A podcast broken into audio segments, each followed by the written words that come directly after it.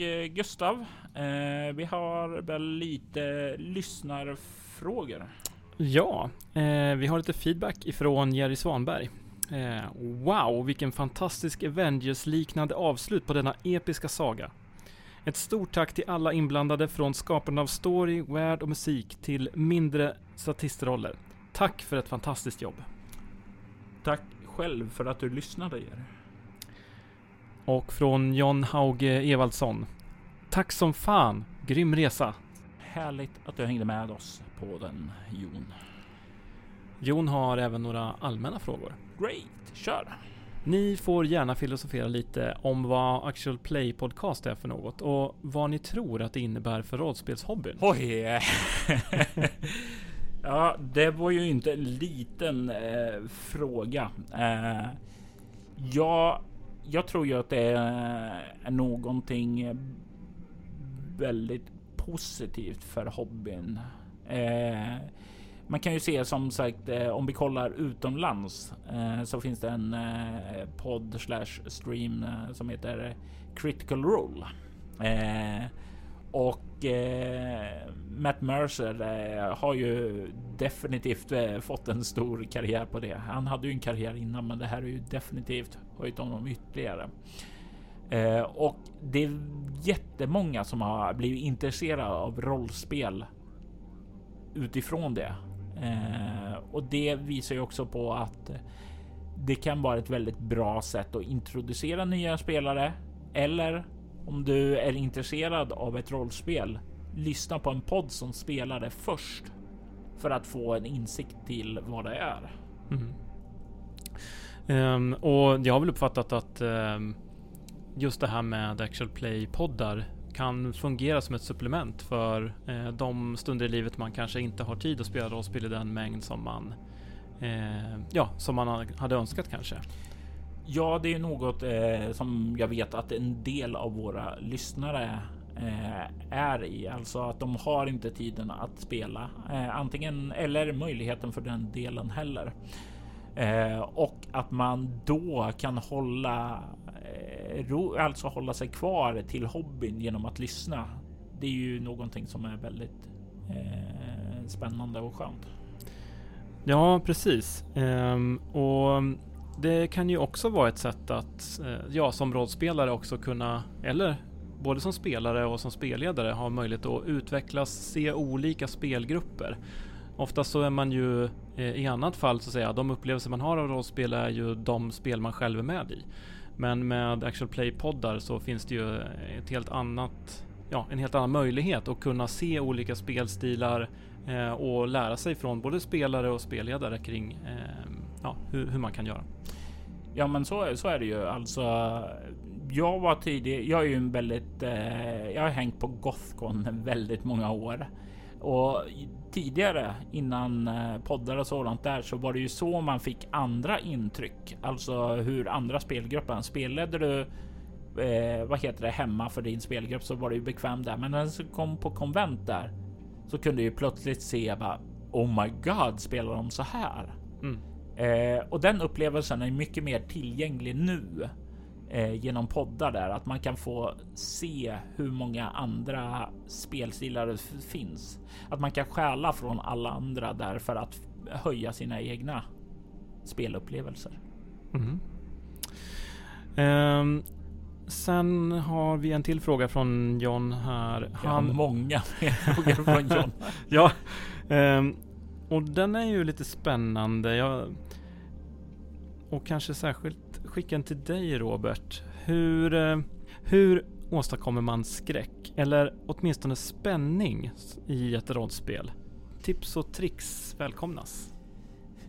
Skulle jag vara en dryg asshole nu så skulle jag säga leta upp och köp visioner och fantasier för där har jag skrivit skräckens ABC. Eh, men jag ska inte vara ett drygt asshole. Eh, det viktigaste jag tycker är ju att du först ska skapa en eh, Eh, en väldigt jordnära situation. Att eh, spelaren ska känna sin karaktärs vardag, bara rota i verkligheten. För när verkligheten brister, det är ju det är där någonstans skräcken uppstår. Om du inte då har roten till det vardagliga eh, så kommer ju det att eh, ja, då, då blir det inte lika lätt att skapa skräck om den saknas, för då har du ingenting att relatera till. Eh, om du då blir utsatt och måste fly och gå under jord. Det betyder ju betydligt mer om du vet att du har en fru och barn där hemma eh, än om du inte har någon form av relation tidigare. Eh, du har en emotionell investering helt enkelt. Andras, om du sedan vill ha tekniker för att eh, få folk att känna sig eh, ja, känna oro och skräck. Det är det första isolering. Är du ensam och inte kan få hjälp? Ja, men då kommer du känna dig mer utsatt. Eh, håll hotet okänt. För det är ju som man talar inom film. Så fort du visar monstret. Då, ja, då är det inte läskigt längre. Och det här är ju inte bara att fysiskt visa monster utan att eh, inte sätta namn på det eller bara det är ju det som jag lite grann gör att jag är emot en monsterbok. För en monsterbok kan man ta fram, slå upp, läsa. Och det var ju någonting som när jag spelade förr med andra rollspel än mina egna och sådant där.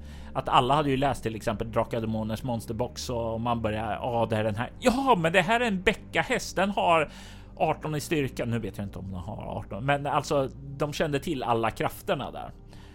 Och då blir det ju inte läskigt eller mystiskt på något sätt där. Så um, se till att hålla varelsen ja, mystisk och eh, visa den gärna inte. Eh, och sedan ett tredje tips eh, så har du en bra grund att starta på.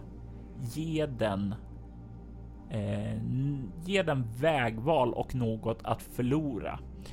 Eh, och det här kanske kommer in på min sadism och eh, sådant där, för eh, jag tror väldigt mycket på vägval. Alltså, du ställs i en situation. Du kan rädda din bror eller din far, men du kan inte rädda båda. Vem väljer du att rädda?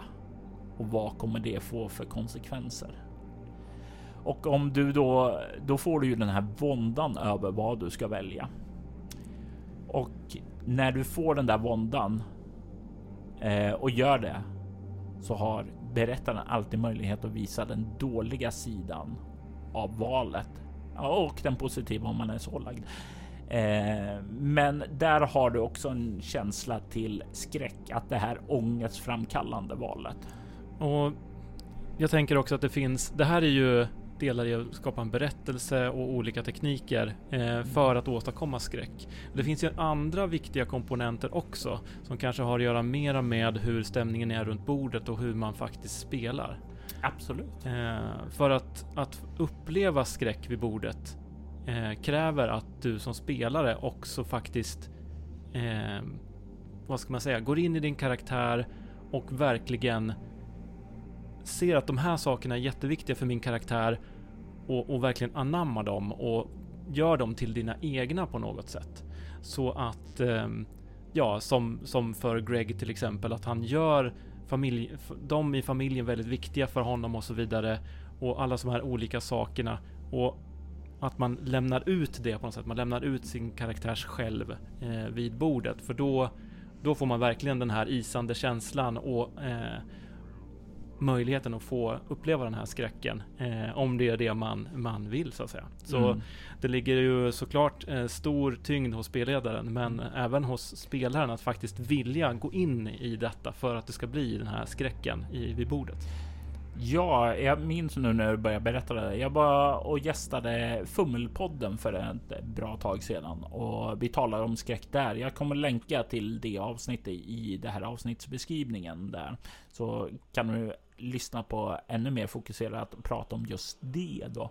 Men där säger jag att du kan inte spela skräck om inte spelarna vill det. Det är väldigt viktigt att du etablerar ett socialt kontrakt och så säger jag vill uppnå den här stämningen. Eh, för en sån här off-kommentar vid spelbordet. Ja men han var ju stor och fet och uh, alltså när du försöker uh, etablera ett stort uh, monster, liksom det groteska i det. Och säger någon en sån där off-kommentar där om det. Du, det är som att sticka en nål i en ballong, alltså all stämning pyser ut. En kommentar kan förstöra en hel spelmötes uppbyggning. Mm. Ja, eh, nej men så är det och det gäller ju att alla är med på det och att man eh, eh faktiskt kanske också har sett att eh, opta ut. För om man verkligen committar sig, går in i det här, så kan det bli riktigt jävla läskigt. Eh, så då gäller det att man i förväg har kommit överens om hur man gör. Man tycker att nej, men mm. nu, nu räcker det liksom. Det är ju jätteviktigt att man har etablerat så här safe zones, att du har eh, att man är bekväm med varandra och att du har något ja, safe word eh, så kan stoppa det när det går för långt. Eller rättare sagt innan det går för långt. Eh, jag Eftersom jag har en tendens att skapa scenarion som är väldigt obehagliga. Eh, att eh, det går väldigt illa. Så brukar jag alltid innan eh, jag spelleder försöka, de som jag inte har spelat med, får frågan där. Är det någonting som du är obekväm med? Eh, och eh, då så kan de, eh, ja, Eh, då kan de ju opta ut från olika situationer som är hemska då så att det inte hamnar i, ja, på ett dåligt ställe. Jag tänker, det slår mig nu att vi hade ju den här diskussionen innan vi började spela in blod och pussel som är väldigt, väldigt, eh, var väldigt, ja.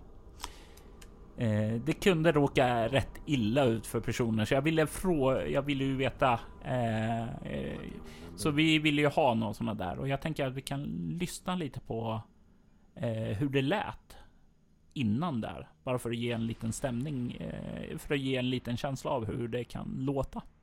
Ja, ska vi köra en eh, runda? Hej, jag heter Robert och jag har inga spärrar. eh, för mig så är det ju, men jag sitter ju i minst utsatta rollen så för mig är det liksom okej, okay, men jag, jag tycker det viktiga att det viktiga är ju att ni ha kul medan ni lider.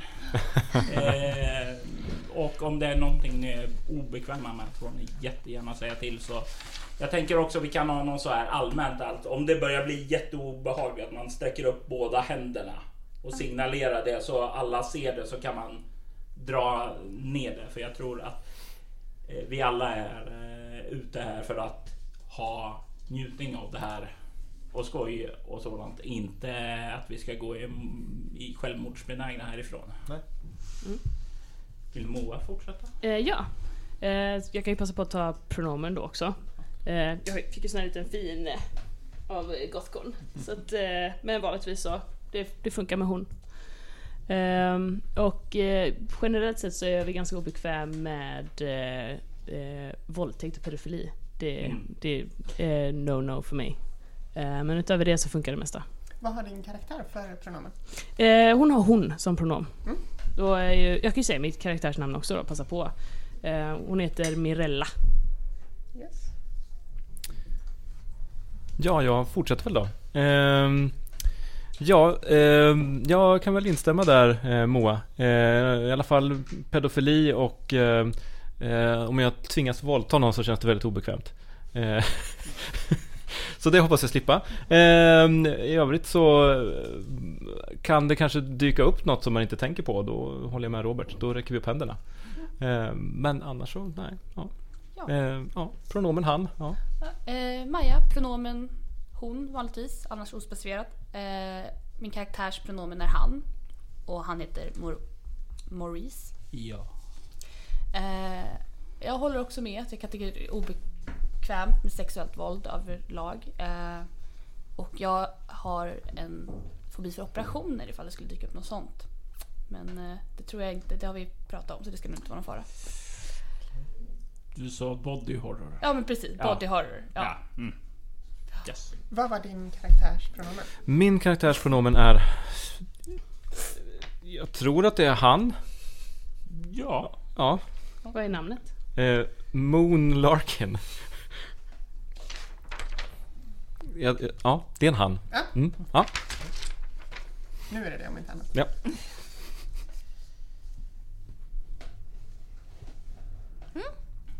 Ja, jag heter Mattias. Ehm, pronomen han. Jag ska spela Linda.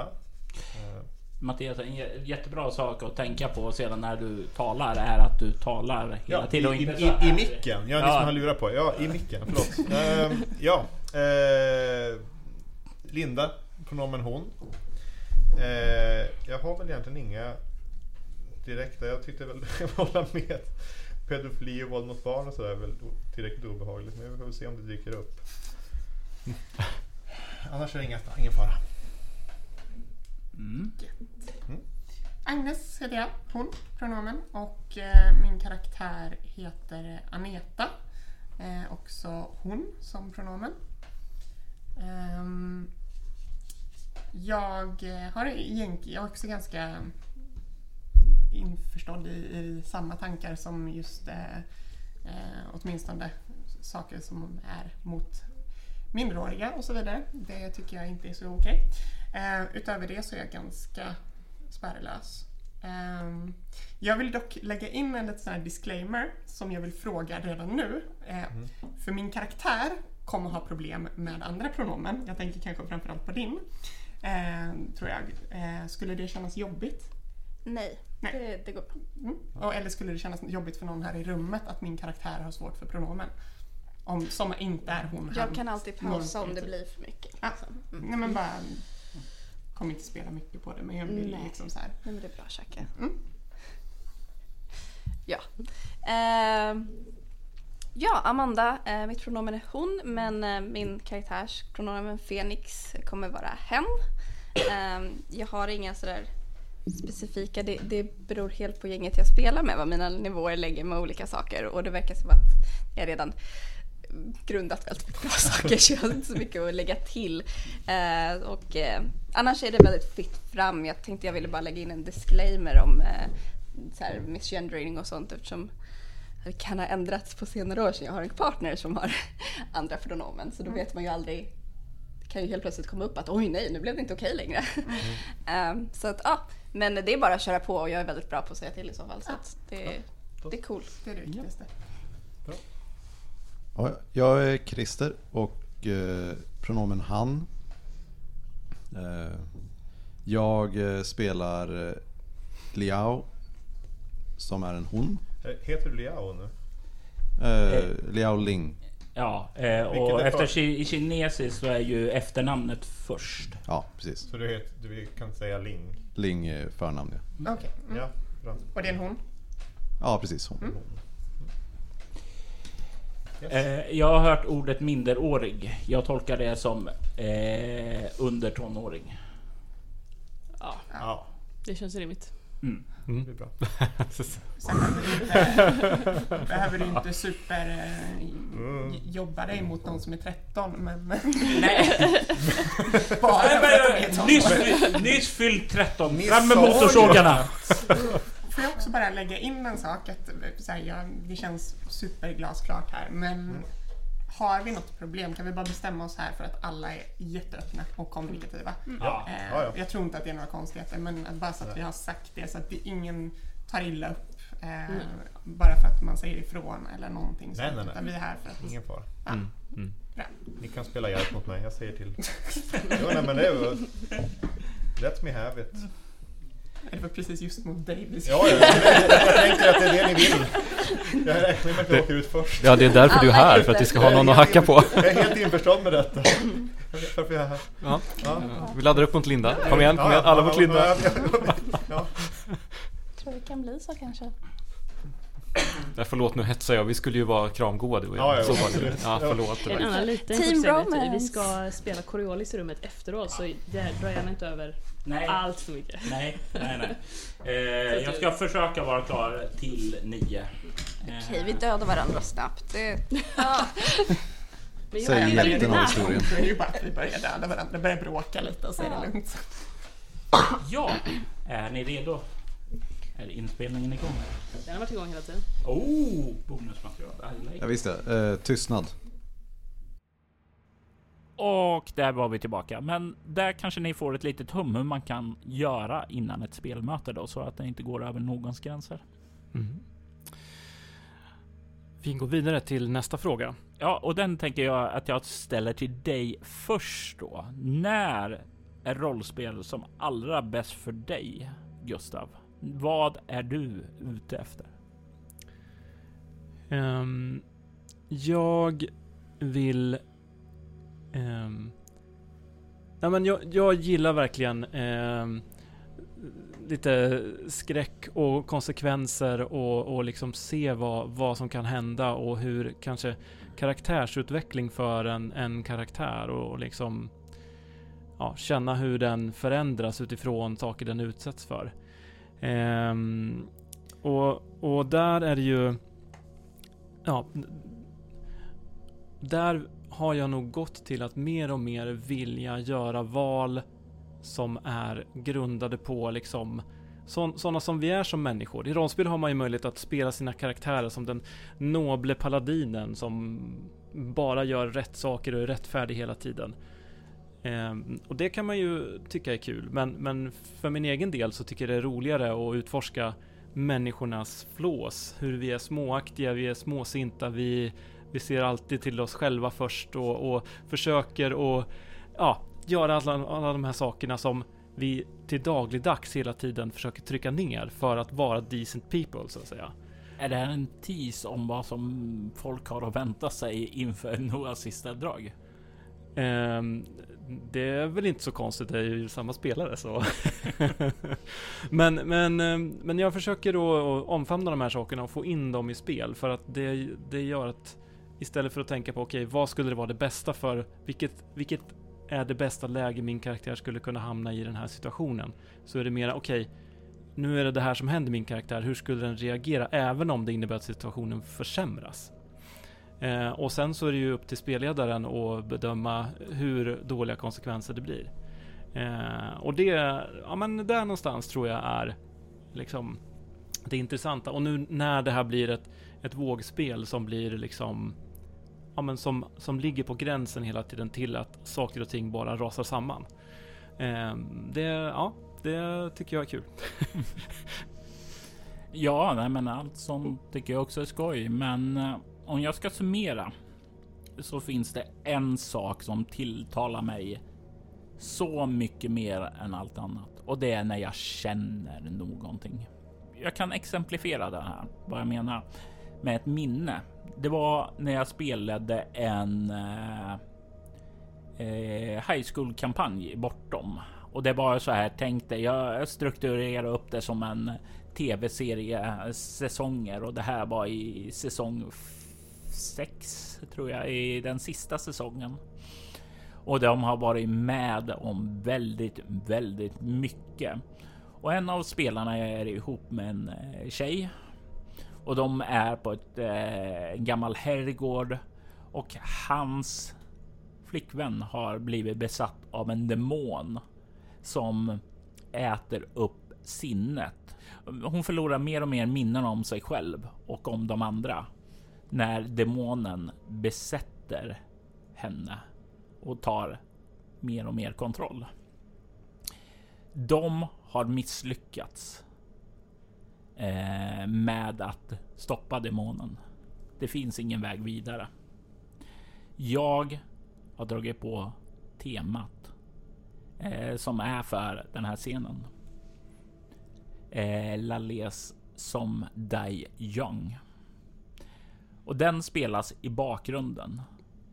Och den här scenen blir som en farväl, en avskedsscen. Där flickvännen inser att hon är på väg bort. Och vill inte bli besatt. Och vädjar till eh, sin eh, pojkvän då, en annan spelare. Om att han ska döda henne innan det är för sent innan hon blir den där demonen och ska skadar honom. Eh, vanligtvis så är det så här. Vi ha, hade en ganska laid back så här. Man sitter och snackar eh, så här i bakgrunden när man inte var aktiv då. Men när den här scenen började spelas ut så tystnade de andra. De märkte att det var någonting som pågick här och eh, lyssnade bara. Och jag då som spelar ut den här med den andra spelaren går in i full immersion läge. Tårarna börjar komma.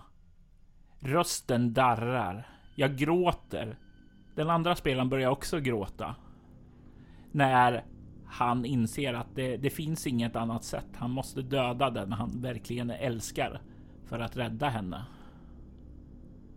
Det är en sådan känsla. När jag verkligen går in i karaktären så mycket att jag liksom är så berörd att jag minns det. Det är för de där momenten som jag älskar rollspel. Så, jag hoppas att det är ett svar för dig John på den frågan vad jag älskar med rollspel. Okej. Han eh, har några fler frågor. Som rör framtiden för Actual Play Podcasts. Vad tror ni att vi är någonstans om tio år? Det kan väl bara bli större, eller? Nej, det kan, bara, det kan inte bara bli större. Det kan komma någonting nytt som eh, dödar podcast som medium. Eh, så jag är inte så helt säker på att det bara kan bli större. Eh, om tio år så kanske inte podd är längre ett relevant medium utan då kanske det bara handlar om streaming eller någon form av interaktiv upplevelse från lyssnarna eh, under streamen. Vad vet jag? Men jag hoppas att eh, poddar fortfarande existerar då, att de är eh, be ännu bättre än de är idag.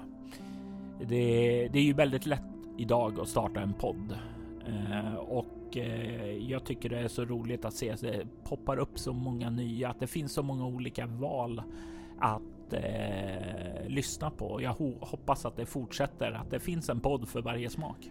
Ja, och jag, jag tror ju, jag är inte fullt så pessimistisk som du Robert. Jag menar, du har ju fortfarande böcker i bokhyllan som du läser. Så... I, i alla, fall, Good one. i alla fall samlar på. Ja, Ehm, nej men, ehm, alltså jag tror att det kommer bli många fler poddar och jag, eh, och jag tror också att det kommer bli eh, många fler dåliga poddar och många fler bra poddar. Och framförallt så hoppas jag att det kommer bli mycket mer diversity. Därför att jag kan känna nu att det är ungefär samma typer av personer det är, som, som gör poddar. Man är ungefär samma ålder och har hållit på med rollspel jättelänge och sådär. Det, det finns eh, en massa eh, ja, och, men jag tror att och jag hoppas att det kommer komma andra som kommer komma in eh, i det här området och göra eh, med en annan approach. Jag tror vi ser en del av hur folk spelar rollspel. Det känns som att vi saknar en väldigt stor del eh, av hur, hur andra gör. Eh, så jag skulle vilja se många fler olika varianter för att eh, ja, lära mig mer av andra som spelar på andra sätt. absolut, absolut. Det är trevligt. Eh, och jag vill säga att jag, jag hoppas ju att jag hoppas verkligen inte att vi att podd. Jag hoppas verkligen inte att poddarna dör ut. Jag vill bara understryka det. Jag bara säger att man ska inte vara så säker på att det bara kan växa, för man vet aldrig vad som finns bakom nästa knut. Så är det absolut. Det kan komma ett nytt covid-20. Vem vet? Mhm, mhm. Ja, nej men saker och ting kan hända snabbare än man tror. Det har du helt rätt i. Och med det Robert så har vi klarat av alla lyssnarfrågorna till den här postmortem. Ja, nu är vi inte långt ifrån Örebro, så det var ju ganska passande. Ja, eh, men nu är jag lite intresserad av att höra vad som vad det finns mer för, för grejer kopplat till soloäventyret. Du pratade ju när vi gjorde mm, postmortem till eh, Trollblod så hade du in, så introducerade du lite sociala mediebonusar. Vad har kommit ut från det? Ja, eh, då ska vi se. När vi var inför, eh, när vi talade om det förra gången så var, sa jag att eh, var tionde recension låser upp ett nytt bonusäventyr. Soloäventyret hade då 12 recensioner på Facebook och det skulle var tionde skulle ge ett bonusäventyr. Eh, det fanns en recension på Bortom på Facebook och på soloäventyret fanns och för soloäventyret på iTunes fanns det fem stycken recensioner. Eh, och eh, där skulle vi då få, eftersom det var tionde recension, så skulle vi få ett bonusäventyr. Och det har vi fått nu i form av Athanasia som ni har hört i början av året med Mikael Fryksäter från Mindy brädrollspelspodd. Tanken var ju att det här skulle publiceras innan det, men ibland blir inte saker som man vill. Eh, jag lovade också för var 223 like på antingen bortom Eh, som då hade 250 likes eller för soloäventyret som hade 200 likes eh, så skulle det bli en större bonusäventyr. Och vi var ju på bortom då redan över 223 like och det innebär att vi kommer att få ett större, en större kampanj. Vi kommer tala lite mer om det i nästa segment, men det är maskinblod eh, som ni kommer få höra och det är en fortsättning ifrån syndaslukaren med Sila-piraten Demjan. Mm. Eh, intressant. Ja, eh, han skickade lite frågor till mig om mm, vilka hemskheter som kan ha hänt på den bas han ska börja på. Yes. Eh, det är bra att han känner sig trygg och fråga dig då. Ja. Eh, nu så har vi 14 recensioner eh, på Soläventyrets Facebook-sida, vilket är plus två sedan sist. Eh, med andra ord, vi får inget nytt bonusäventyr därifrån det. Vi har tre recensioner på Bortoms Facebook-sida, en extra där, inga fler där och vi har sex stycken recensioner för soloäventyret på iTunes. Inte heller något extra bonusäventyr. Antalet likes på Bortom var uppe i 267 Eh, det är en bit kvar till nästa stora långa kampanj. Men eh, Soläventyret är uppe i 227 likes, vilket innebär att ni kommer att få en större, längre bonusäventyrskampanj där. Jag kommer ta itu med det efter att vi är klar med maskinblod först och främst. Jag har många bollar i luften som det är nu, så vi, vi, vi väntar lite. Vi avslutar en sak innan vi börjar med nästa. Men det kommer eh, definitivt tack vare er bli en bonusgrej där att njuta av. Eh, det var även ett eh, bonusäventyr Uppblåst och det eh, blir ett litet Leviathan-scenario som heter Requiem.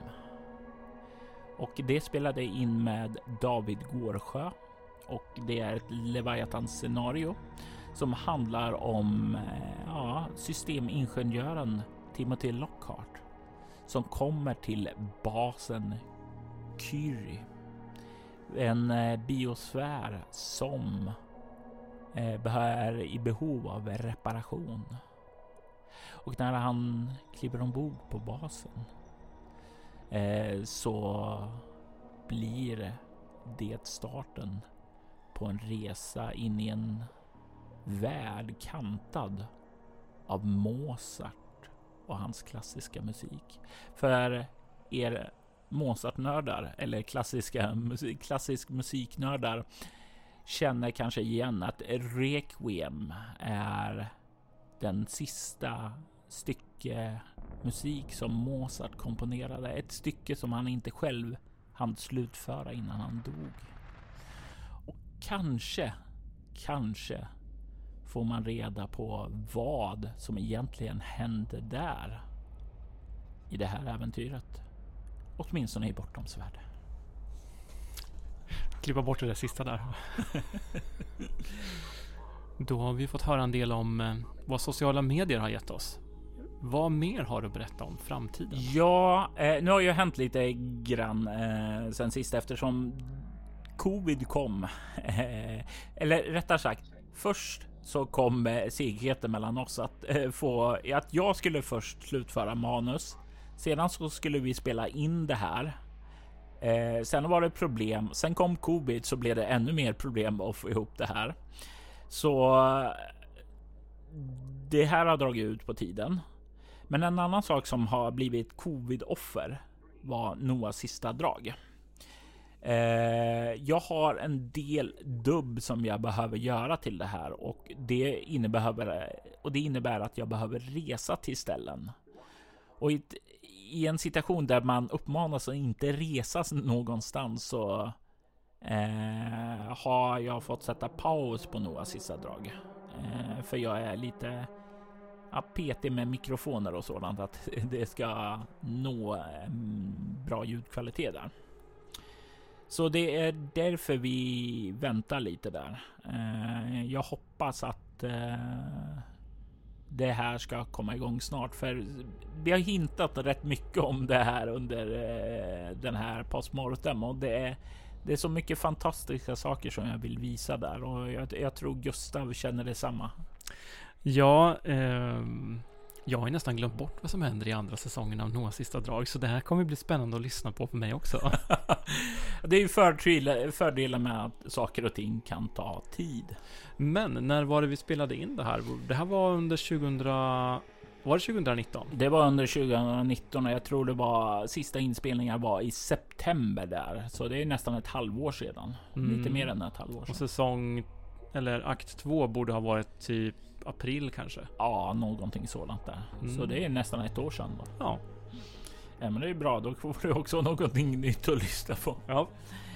Eh, vad som redan har haft premiär då som jag tycker ändå vi ska nämna vad är ju Athanasia. Det var ju bonusäventyret. Mm. En eh, fin liten eh, detektivberättelse eh, som jag spelade in med Mikael Fryksäter och det var ju en berättelse som ja, helt och hållet skapades av eh, Mikael och hans karaktärsval.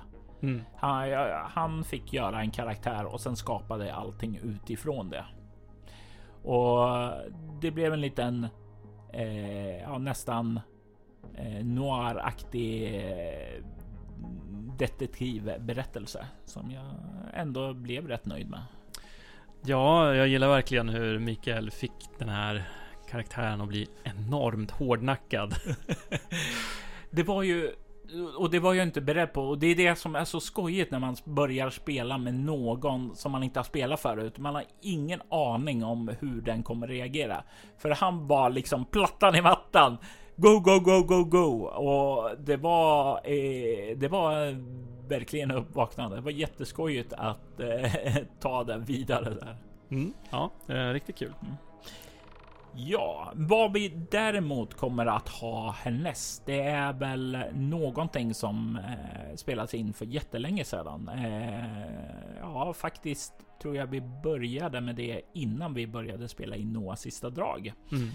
Moa Fritjofsson från Svartviken rollspelspodd spelade in Tau 223 eh, där hon gestaltar sin karaktär Berhanu från Lamashtus grav i Svartviken och syndaslukaren i soläventyret. Eh, och det här är ju någonting som vi började och spelade började att spela in över nätet, så jag vill varna att de två eller ja, nu vill jag varna. Det är så dags att varna nu eftersom det kommer ha premiär innan det här har premiär då.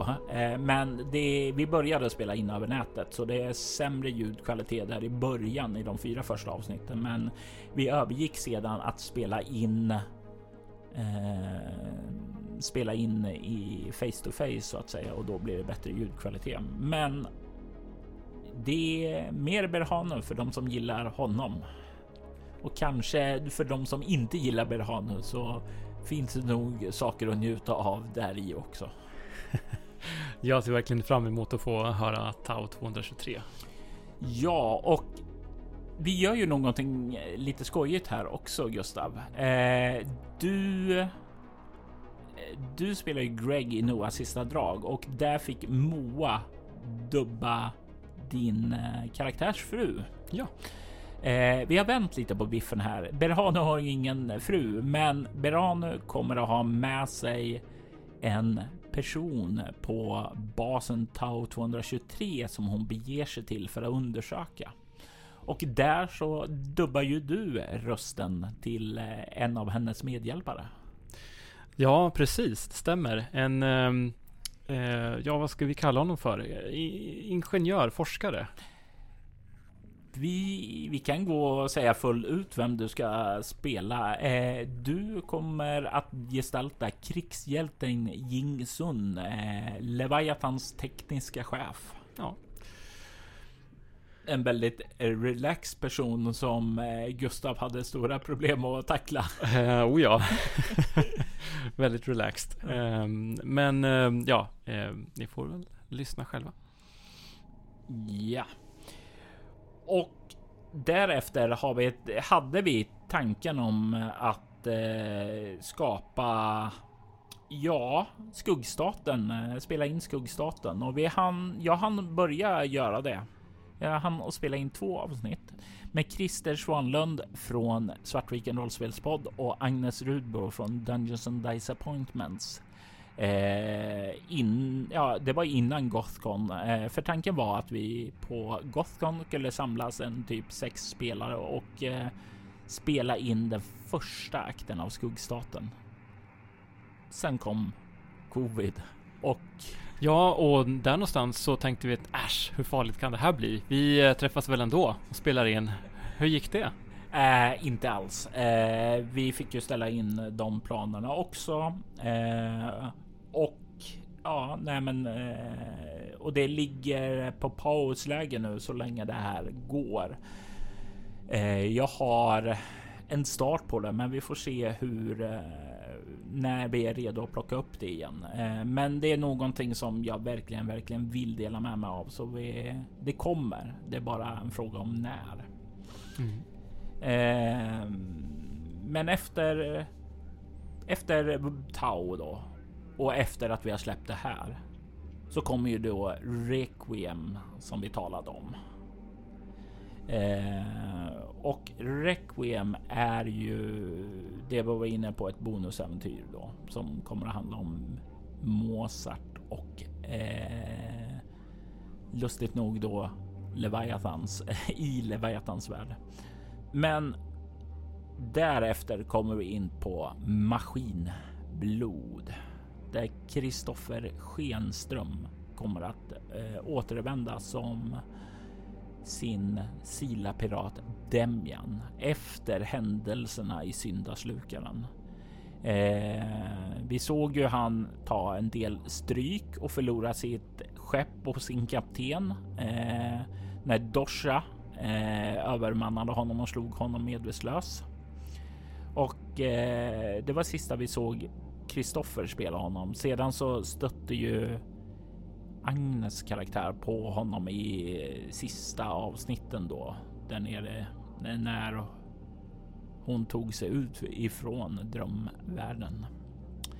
Och det är kort och gott några månader efter den händelsen som vi ser hur den goda Demjan har rustat upp sitt skepp, avtjänat sin tid i Golgata-flottan och är redo ut för att göra plundrande äventyr. Och eh, ja, vi kommer att applicera både eh, Leviathans basregler där såväl som skepps eh, skeppsbasreglerna också där. Det här är en kampanj som jag har en vag ark till, men jag låter allting eh, improviseras utifrån Kristoffers val och slumpmässiga slag på händelsetabeller. Eh, så det, det tar hela tiden nya vändningar som jag inte riktigt eh, var beredd på. Spännande. Eh, har du hunnit spela in den eller? Eh, vi har i dagsläget eh, spelat in fyra avsnitt. Eh, vi tog en liten paus efter fjärde eftersom då blev det så att han var tvungen att skaffa sig en bas eh, på grund av händelser som skett i de in äventyren innan där. Och nu har han gjort klar sin bas och uppenbarligen fått hjälp av dig då. Ah, nåja, nu ska jag inte ta åt mig särskilt stor del av äran. Det var en allmän fråga till en grupp jag tillhör.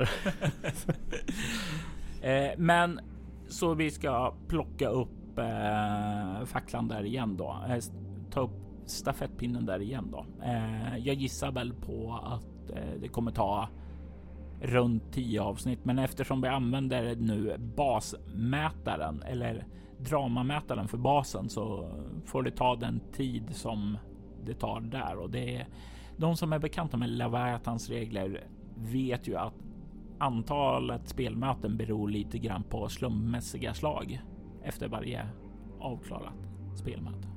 Ja, hur bra går det för hoten och så vidare.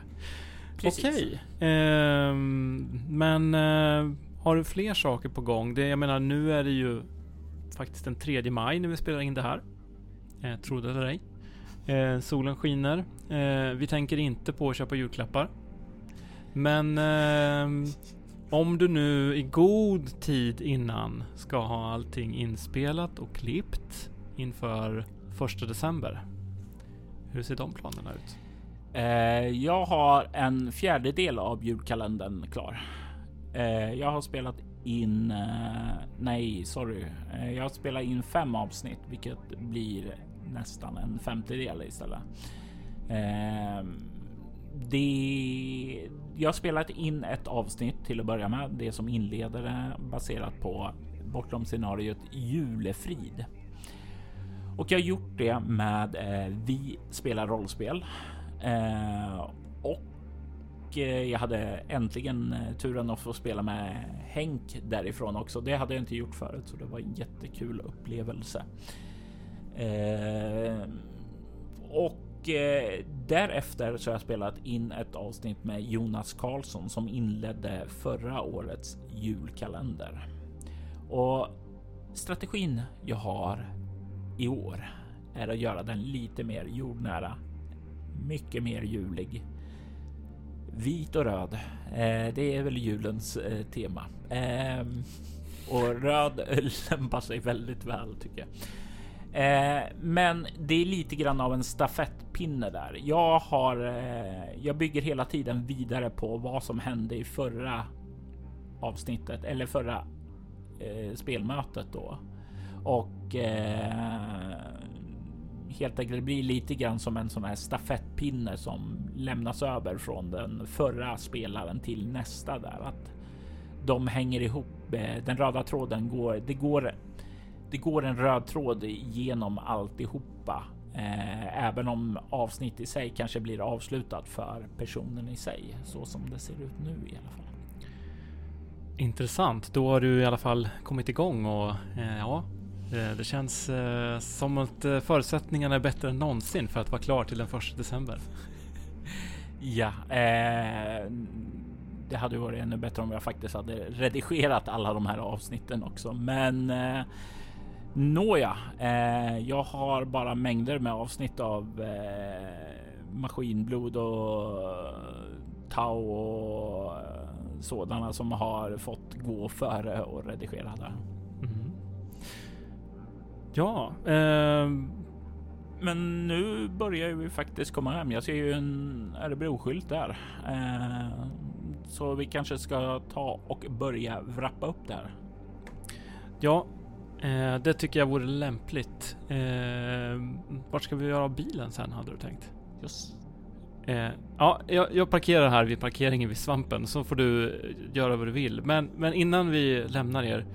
ehm, om någon vill komma i kontakt med dig och diskutera den här bilen. Vart ska de höra av sig då? Det är din bil, det är inte min. eh, ja, eh, men Gustav, eh, innan vi parkerar bilen och lämnar den här. Eh, om någon eh, vill värva dig till sin podd eller komma i kontakt med dig för att eh, ja, veta mer om dina projekt eh, eller så, var vänder man sig då? Ja, eh, enklast är väl att gå via våran eh, eh, Facebook-sida för Smygpodden och skriva till oss där på Messenger på Facebook eller bara göra ett inlägg.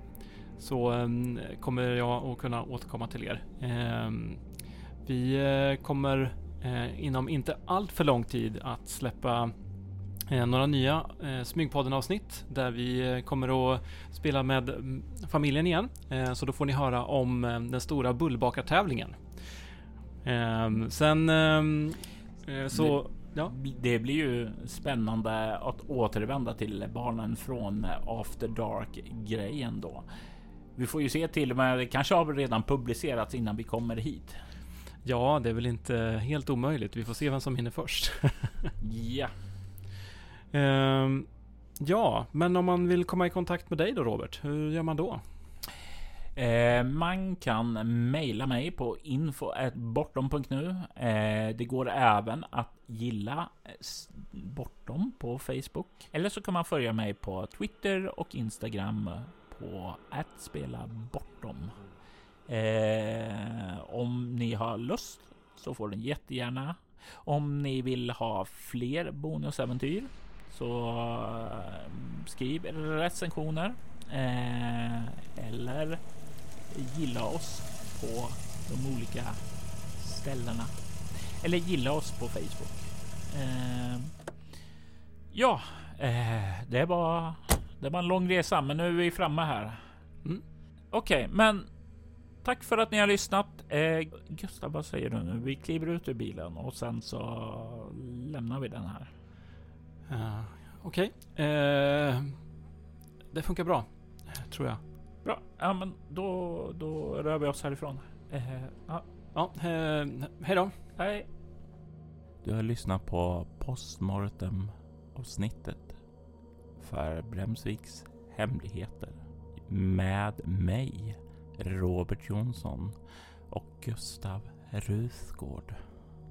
Musiken i detta avsnitt var Cryo Chambers Dark Ambient 2019 som gavs ut av skivbolaget Cryo Chamber. Hemmet för ambient stämningsmusik som jag starkt rekommenderar. Både för avslappning och för dina spelmöten. Du hittar länk till dem i avsnittets inlägg. Soläventyret är en actual play podcast där vi spelar rollspelen Bortom och Leviathan. Tack för att du har lyssnat.